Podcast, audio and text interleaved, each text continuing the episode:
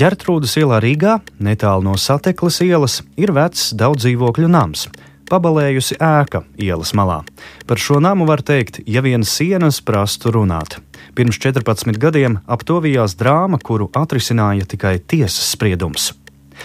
Tiesas aprakstītajā nama izkrāpšanas schēmā figurē viltots testaments, notāre un nekustamo īpašumu biznesā zināmu cilvēku uzvārdi, bet par vainīgu tika pasludināts tikai kāds 35 gadus vecs, plašākai publikai nepazīstams vīrietis.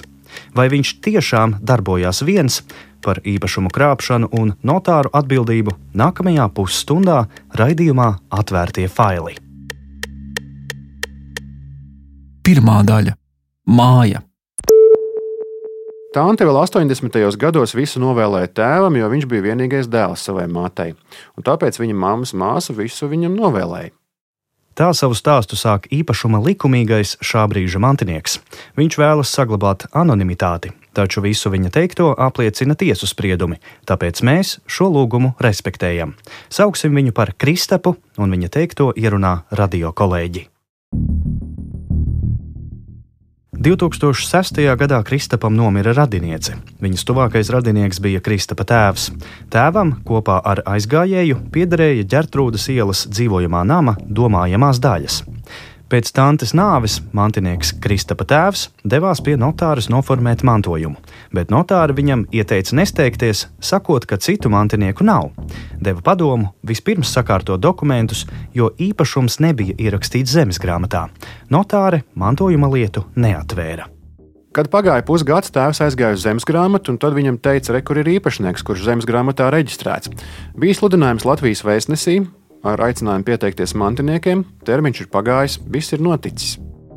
Gan Rīgas, gan lauku īpašums, kuru arī vajadzēja mantot no tantes, pēkšņi izrādījās cita cilvēka - Gunāra Groza īpašumā. Viņam bija privāts testaments, kuru viņš pats bija rakstījis, kuru bija apstiprinājuši trīs vīri, kurus viņš kaut kur satika. Tiesas spriedumā rakstīts, ka groza krogā Haligali, kas atrodas netālu no vērtīgā īpašuma, uzrunājis trīs vīriešus. Viņi krogā slīcinājuši bēdas par neatrasto darbu. Groza nepazīstamo trijotni aicinājis kļūt par lieciniekiem privātā testamenta lietā, sacījis, ka tante pirms nāves gribot atstāt īpašumu. Viens no viņiem devies līdzi uz kādu dzīvokli, kur blakus istabā dzirdējis kādu cilvēku vaidam. Tā viņi uzņēmušies būt par lieciniekiem un parakstījuši privāto testamentu. Ar šo viltoto testamentu groza devās pie notāres Ingūnas Bobrovskas. Ar viņas svētību tika pie sveša īpašuma un tūlīt to mēģināja notirgot. Turpina Kristaps. Groza šo īpašumu, domājamo daļu, paspēja fiziski pārdot akciju sabiedrībai Latvijas nekustamie īpašumi, kas arī ir tāds misterija kantors. Par, par viņiem arī visādi stāsti. Kad mantojuma lieta nonāca tiesā, Latvijas nekustamo īpašumu saistību pārņēmējs bija maksātnespējas procesā esošais uzņēmums Reversed. Abu uzņēmumu patiesā labuma guvējs un pārstāvis tiesā bija advokāts Normons Šlitke. Mediju arhīvos par advokātu atrodami neglaimojoši stāsti. Šlītka nelāgu slavu ir iegūst kā aktīvākais un cietsirdīgākais to zemes īpašuma pārstāvis, kas no daudz dzīvokļu namu iedzīvotājiem pieprasa nesamērīgu maksu par piespiedu nomu. Viņš neslēpj, ka domājamo daļu pirkšana kopīpašumos ir viens no biznesa virzieniem. Par kādu nekustamā īpašuma schēmu, kurā iesaistīts Šlitke, stāsta TV3 raidījums nekā personīga. Citos mediju rakstos viņš nodēvēts par zemes baronu.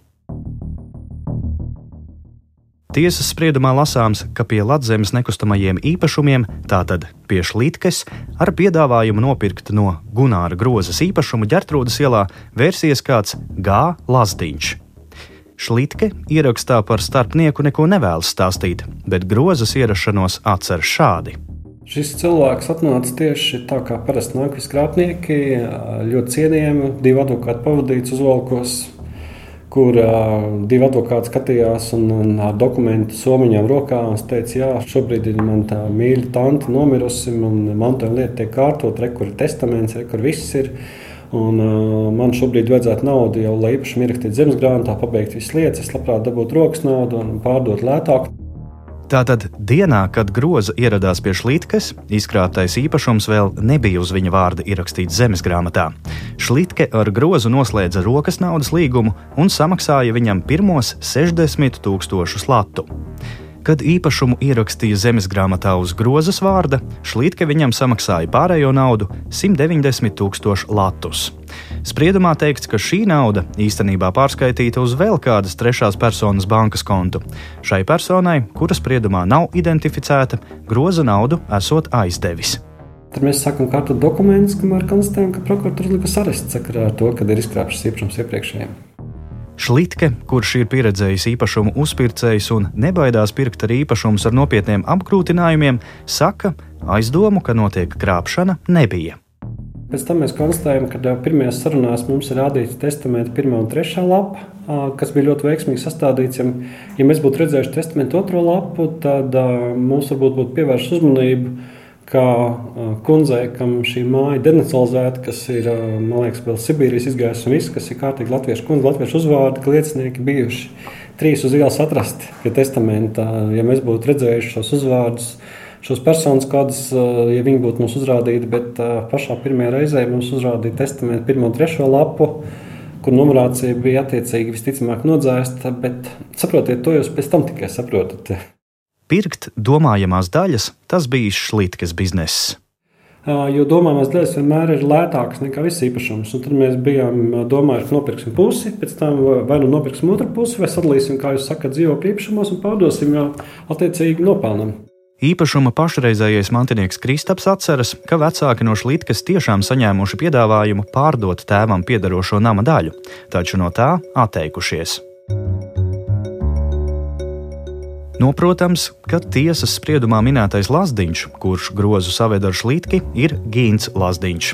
Arī viņa vārds medijos vīda saistībā ar nekustamo īpašumu afērām.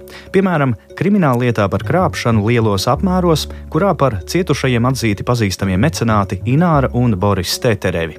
Pastāv aizdoms, ka no viņiem izkrāpti vairāk nekā 43 miljoni eiro par nekustamo īpašumu iegādi, kuru reālā tirgus vērtība schēmu īstenošanas brīdī bija daudzkārt zemāka - ap 2 miljoniem eiro. Sazvanīts, Lazdiņš saka, ka Šlitki pazīst tāpat kā notāri Bobrovsku, kura apstiprināja viltoto testamentu. Nu, es gandrīz visiem notāriem vērts savā dzīvē. Bet tādu grozu nepazīst. Es nezinu, par ko jūs runājat. Tiešām. Man, es tur neesmu ne puse, nekas, nekā liecinieks. Ja kāds kaut kur ārā runā uz ielas par kādu, man to nekāds sakars nav. Es nekad neesmu piedalījies centra rajona tiesā un neesmu nekad nevienu tiesājies. Ne, nu, tur nesaka, ka jūs tiesājāties, jūs tur nu, nav nekāds status. Saku, tas nav manīm nekāds sakars. Bet to Gunāra groza vārdu, tad jūs vispār esat dzirdējis. Es jums saku, es nepazīstu, neesmu dzirdējis. Tikai mm. kaut kur Ot šitā te, kad Šlitka kaut kur bija runājis. Nu, nu kā, nu es ar Normanu Šlitku nekad arī neslēdzu. Nekad. Nav ar viņu. Man vienreiz bija Latzemes īpašumiem Juglā pārdev zemi. Lazdiņš sava vārda piesaukšanu sauc par baumām, kuras kāds izmanto, lai gūtu sev labumu. Jūs teikt, varat, ka jūs pazīstat Romas pāvestu. Tam pilnīgi nekāda nav juridiska pamata. Ja kāds kaut ko saka, tiesa nav pārliecinājusies. Nekad mani nav saukusi, vai es esmu tas gīns, kurš kādu kaut kur ir iepazīstinājis. Un kurš tad mūsdienās aizliedz vispār arī iepazīstināt kādu? Tas taču nav likuma pārkāpums. Savukārt par grozu mediju arhīvos ziņu nav, taču Šlītka stāsta, ka viņš savulaik spekulējis ar nekustamajiem īpašumiem. Laikā, kad nebija vienotas banku kredītu datubāzes, groza ņēmis bankās kredītus it kā vienīgā mājokļa iegādēji. Līdzīgi par grozu stāsta arī Kristaps. Kad lieta par ģērtrūdas nama izkrāpšanu bija tiesā, groza pieteicis privāto maksātnespēju. Pēc papīriem viņam nekas nepiedara. Ar grozu šī raidījuma tapšanas laikā sazināties neizdevās.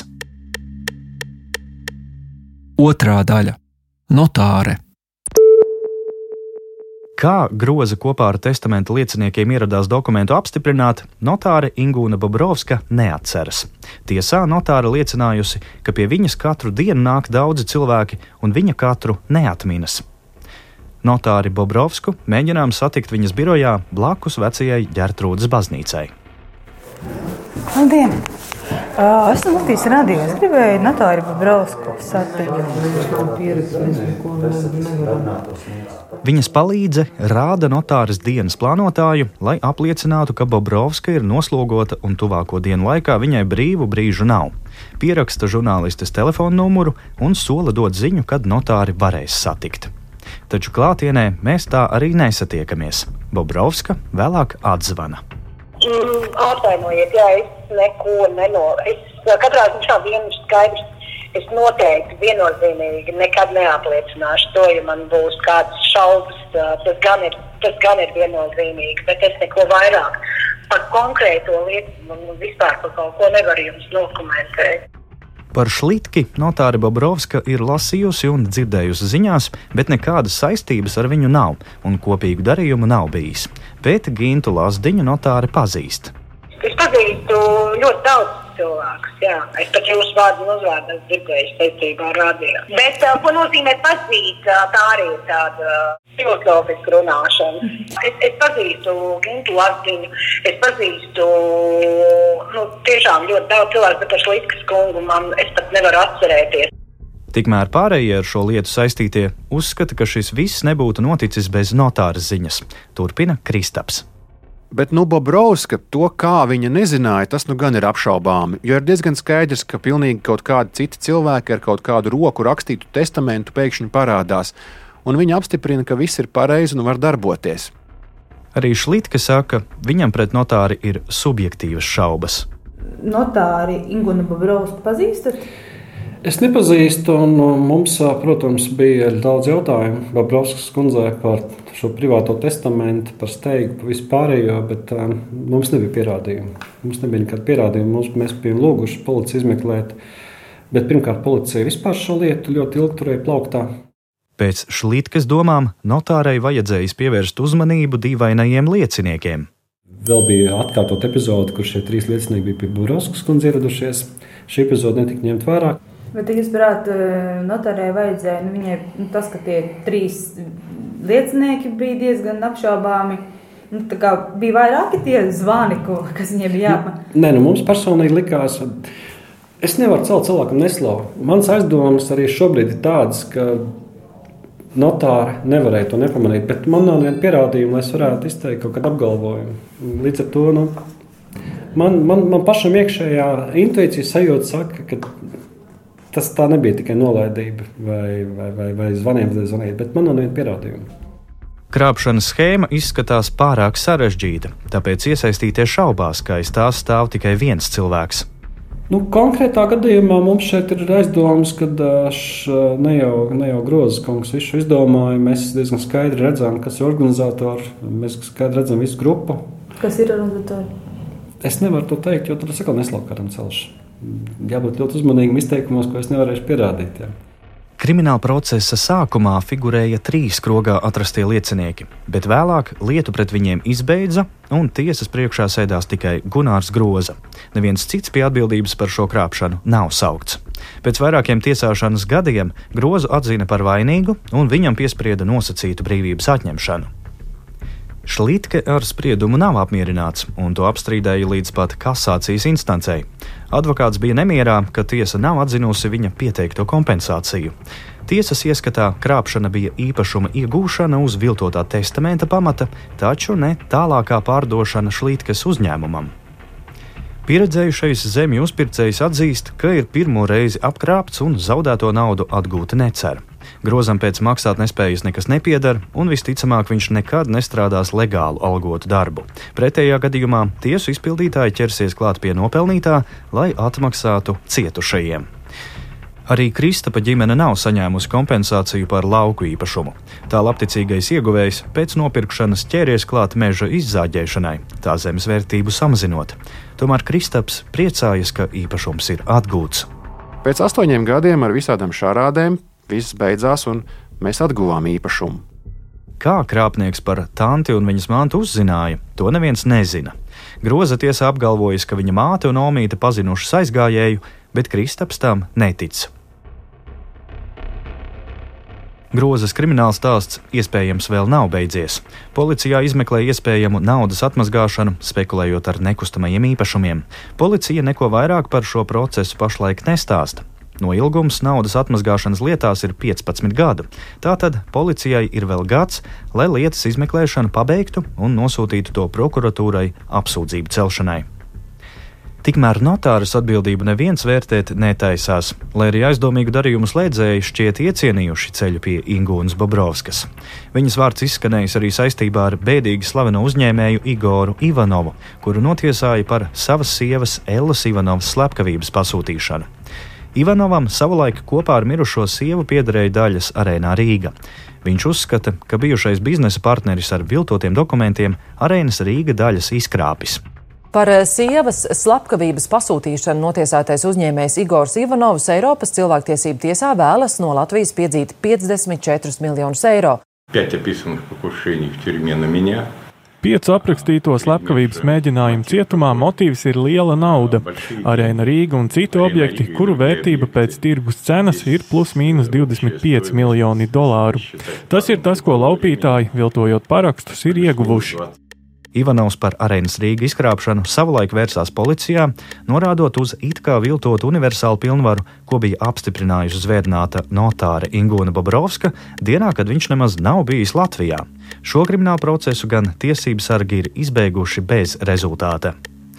Notāri Bobrovsku izmantojusi arī noslapkavota advokāta Mārtiņa Bunkus ģimene. Kā šovasar ziņoja žurnāls ir, ģimenes locekļi tagad savā starpā strīdas un lietu kārtošanā iesaistījuši vecmāmiņu, kurai pēc Mārtiņa Bunkus mātes vārtiem ir ierobežota rīcības spēja. Vecmāmiņas vārdā izdota pilnvara kārtota tieši pie notāras Ingūnas Bobrovskas. Izlasījis viņas vārdu žurnālā, Kristaps nolēma publiskot arī sava ģērtrūdas ielas īpašuma krāpšanas stāstu. Trešā daļa - likuma robi. Notāra Cunfte un to pāraugošā tieslietu ministrija Bobrovsko aizstāva. Šeit nevar būt runa par notāru atbildību, ka notārs kaut ko nebūtu izdarījis atbilstoši normatīviem aktiem, jo tā nav viņa kompetence. Un to arī fiziski nu, nevar nekādā veidā pārbaudīt. Komentē Tieslietu ministrijas tiesu sistēmas politikas departamenta juriste Kristīne Alberinga. Notāram nesot tāda rīka, lai pārliecinātos par paraksta autentiskumu. Bet kurā brīdī iestājas notāra atbildība? Kā, kādā ziņā? Nu, piemēram, nu, teiksim, nu, viņam nav jāspēj kaut kādā veidā identificēt, ka tas ir viltots kaut kas. Šajā gadījumā tas ir privāts dokuments. Visi strīdi, pārbaudas, ja tāda rodas, tas ir tā ir tiesas kompetencē. Notārs to nevar veikt, un viņam tas arī nav jāveic. Notārs kārto mantojuma lietu atbilstoši notariāta likumam, ministra kabineta noteikumiem. Kristapa mantojuma lietā pie notāra viss noticis pareizi, un strīds tālāk risināts tiesā. Nu, vispār par personas gribu, kā jūs teicāt, ja viņas turpat groziņā aizgāja. Un, sarunāja, uzrakstīja. Tur tikai tiesa var vērtēt šos visus apstākļus. Jā. Notāru padomas vadītājs Jānis Krastīņš piekrīt ministrijas viedoklim, ka notāram nav tādas varas, lai atklātu krāpniekus. Nu, vai viņš var noskaidrot un saprast, ka te ir kaut kāda krāpšanās bijusi? Mm. nu, mēs jau redz, ja runājam par privātu, es saprotu, jā, jā, testamentu. Privātu Uh, iespējas to noskaidrot ir praktiski ne, nav iespējams. Šobrīd tā tad ir uh, mums civil likums paredz šī privāta testamenta iespējamību. Nu, kamēr šāda procedūra tātad pastāv, šāda privāta testamenta iespējamība, kamēr valsts nav izšķīrusies, pieņemsim, ka paliek tikai pie notāra taisīt testamentu, nu, tikmēr teorētiski vienmēr tāda iespējamība pastāv, ka Nu, tāpat kā jums var apzakt māju, nu, pret noziegumiem mēs neviens nesam pasargāti. Bet ir bijis gadījumi, kad arī nu, notārs ir bijis uz vienu roku. Nu, nē, tādu gadījumu nav bijuši. Mm. Tas jau būtu kaut kas ļoti ekstrēms. jo, jo nu, notārs jau tāpēc jau ir aicināts strādāt, lai, lai, lai, lai nebūtu tieši novērst visus šos gadījumus. Un, un uz vienu roku tādu manā, manā atmiņā nekas tāds nav. Mediju arhīvos gan ir atrodami šādi gadījumi.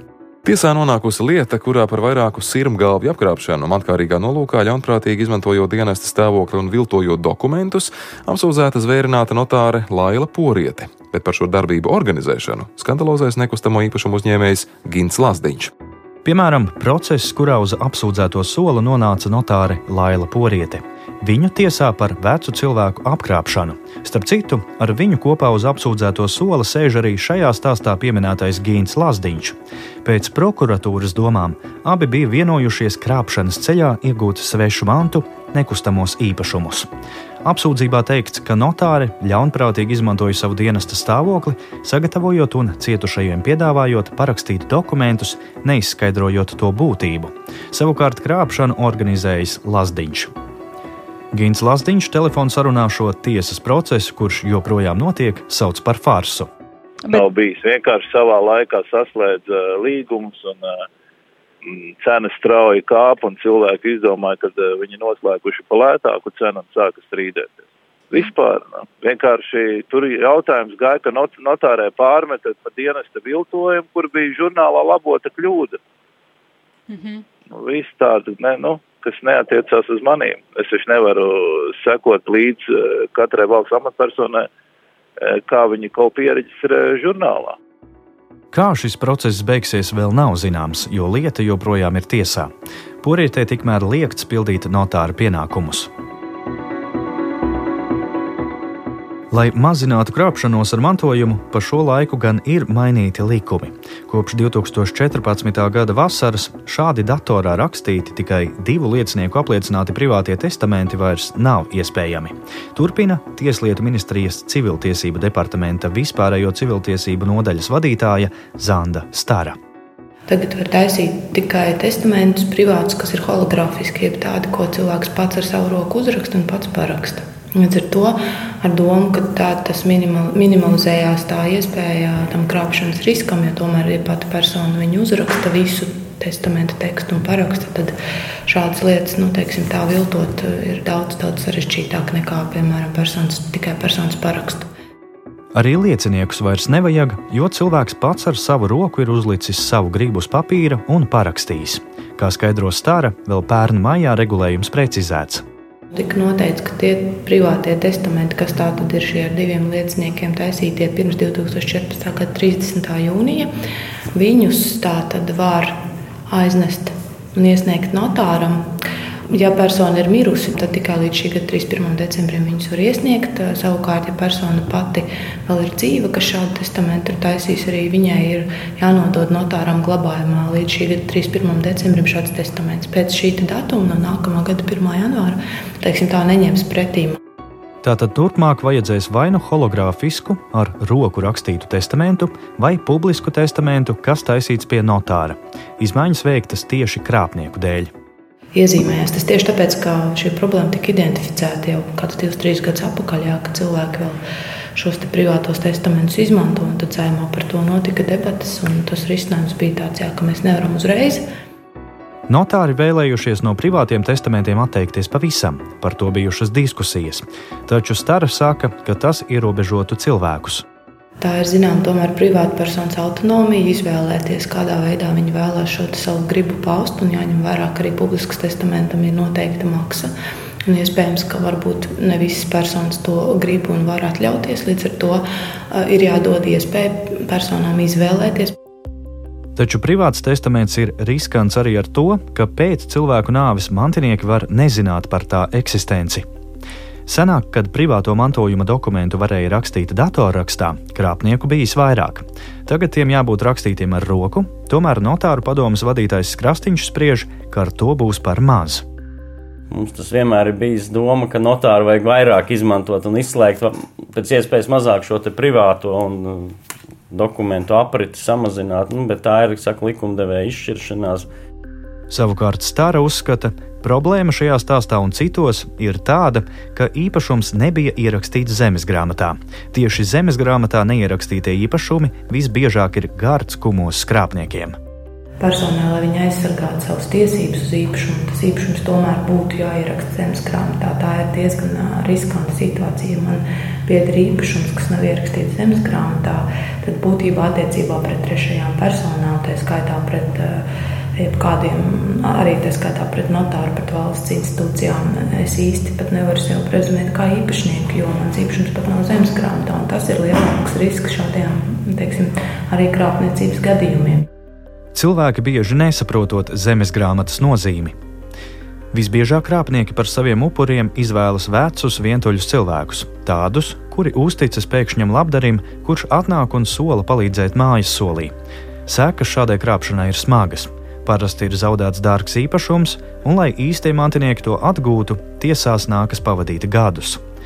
Savukārt notāru pie atbildības nevar saukt, ja vien nav pierādījumu, ka viņš kaut ko darījis pretēji likumam vai noteikumiem. Tajā pašā laikā ministrijas juriste Alberinga saka, Nu, Nē, nu, notārs var atteikties teik, veikt notariālo darbību, ja viņš redz, ka kaut kas nav atbilstoši kādai kārtībai. Bet mēs jau Tā katra notāra atbildība. Nu, personīgā viņš tur pamana vai nepamana. Praksē ir gadījumi, kad notāri pamana kaut ko aizdomīgu un ziņo policijai. Biežāk tas ir par naudas līdzekļiem, kad rodas aizdomas par to izcelsmi. Notāru pārstāvis Jānis Krastīņš gan saka, tas ir liels retums, ja notāram izdodas pamanīt kaut ko aizdomīgu. Tādu instrumentu, lai noteiktu katra privāta testamenta īstumu, nav šādos, nu, par retam, protams, notāru kaut kādu citu iemeslu pēc kaut kas aizdomīgs. Ir gadījumi, kad notārs nejauši, nu, kaut kādi citi apstākļi bijuši, kas ir liecinājuši, ka tur kaut kas nav īsti, ir bijuši atklāti šie jau tajā pie notāra procesā, bet tas ir nu, tāds nejaušības raksturs vairāk nekā tā būtu kaut kāda iespēja notāram izmanto. Nu, iedomājieties, ja kāds novilto pasi un šķērso robežu, nu arī robežsargs nevienmēr pieķer to viltoto pasi, kaut gan viņiem attur skenē un visu kaut ko dara. Tā kā viss kaut kas naudu vilto, nu tieši tas pats ir, nu, piemēram, privātu dokumentu atpazīt, ka tas ir viltots, nu, tas ir praktiski neiespējami. Mm. Tā kā šeit notārs eh, vienkārši dara savu darbu, un viņš ir nu, trā, šajā gadījumā trāpījies eh, noziedz, noziedzīgs nodarījums, kur ir izmantots tātad šis, privāti, šis iespēja sastādīt privātu testamentu, un, un, un tur neko nevar darīt. Notāru padome savu saimi uzmana. Katru gadu ir pārbaudas, mācības. Ja kāds ir pārkāpis normatīvos aktus vai likumu, tad viņu sauc pie disciplināra atbildības, sākas Krastīņš. Par Ingūnu Bobrovsku sūdzības nav bijušas. Tieši pretēji, 2013. gadā, kad vēl ritēja tiesvedība par ģērtrūdas ielas nama izkrāpšanu, Bobrovska saņēma balvu kā viena no labākajām notārēm. Raidījumu veidoja Zane Mače, Anita Brauna, Reinis Budze un Matīs Budovskis. Klausieties mūs arī populārākajās podkāstu jeb aplādes platformās. Atvērtie faili!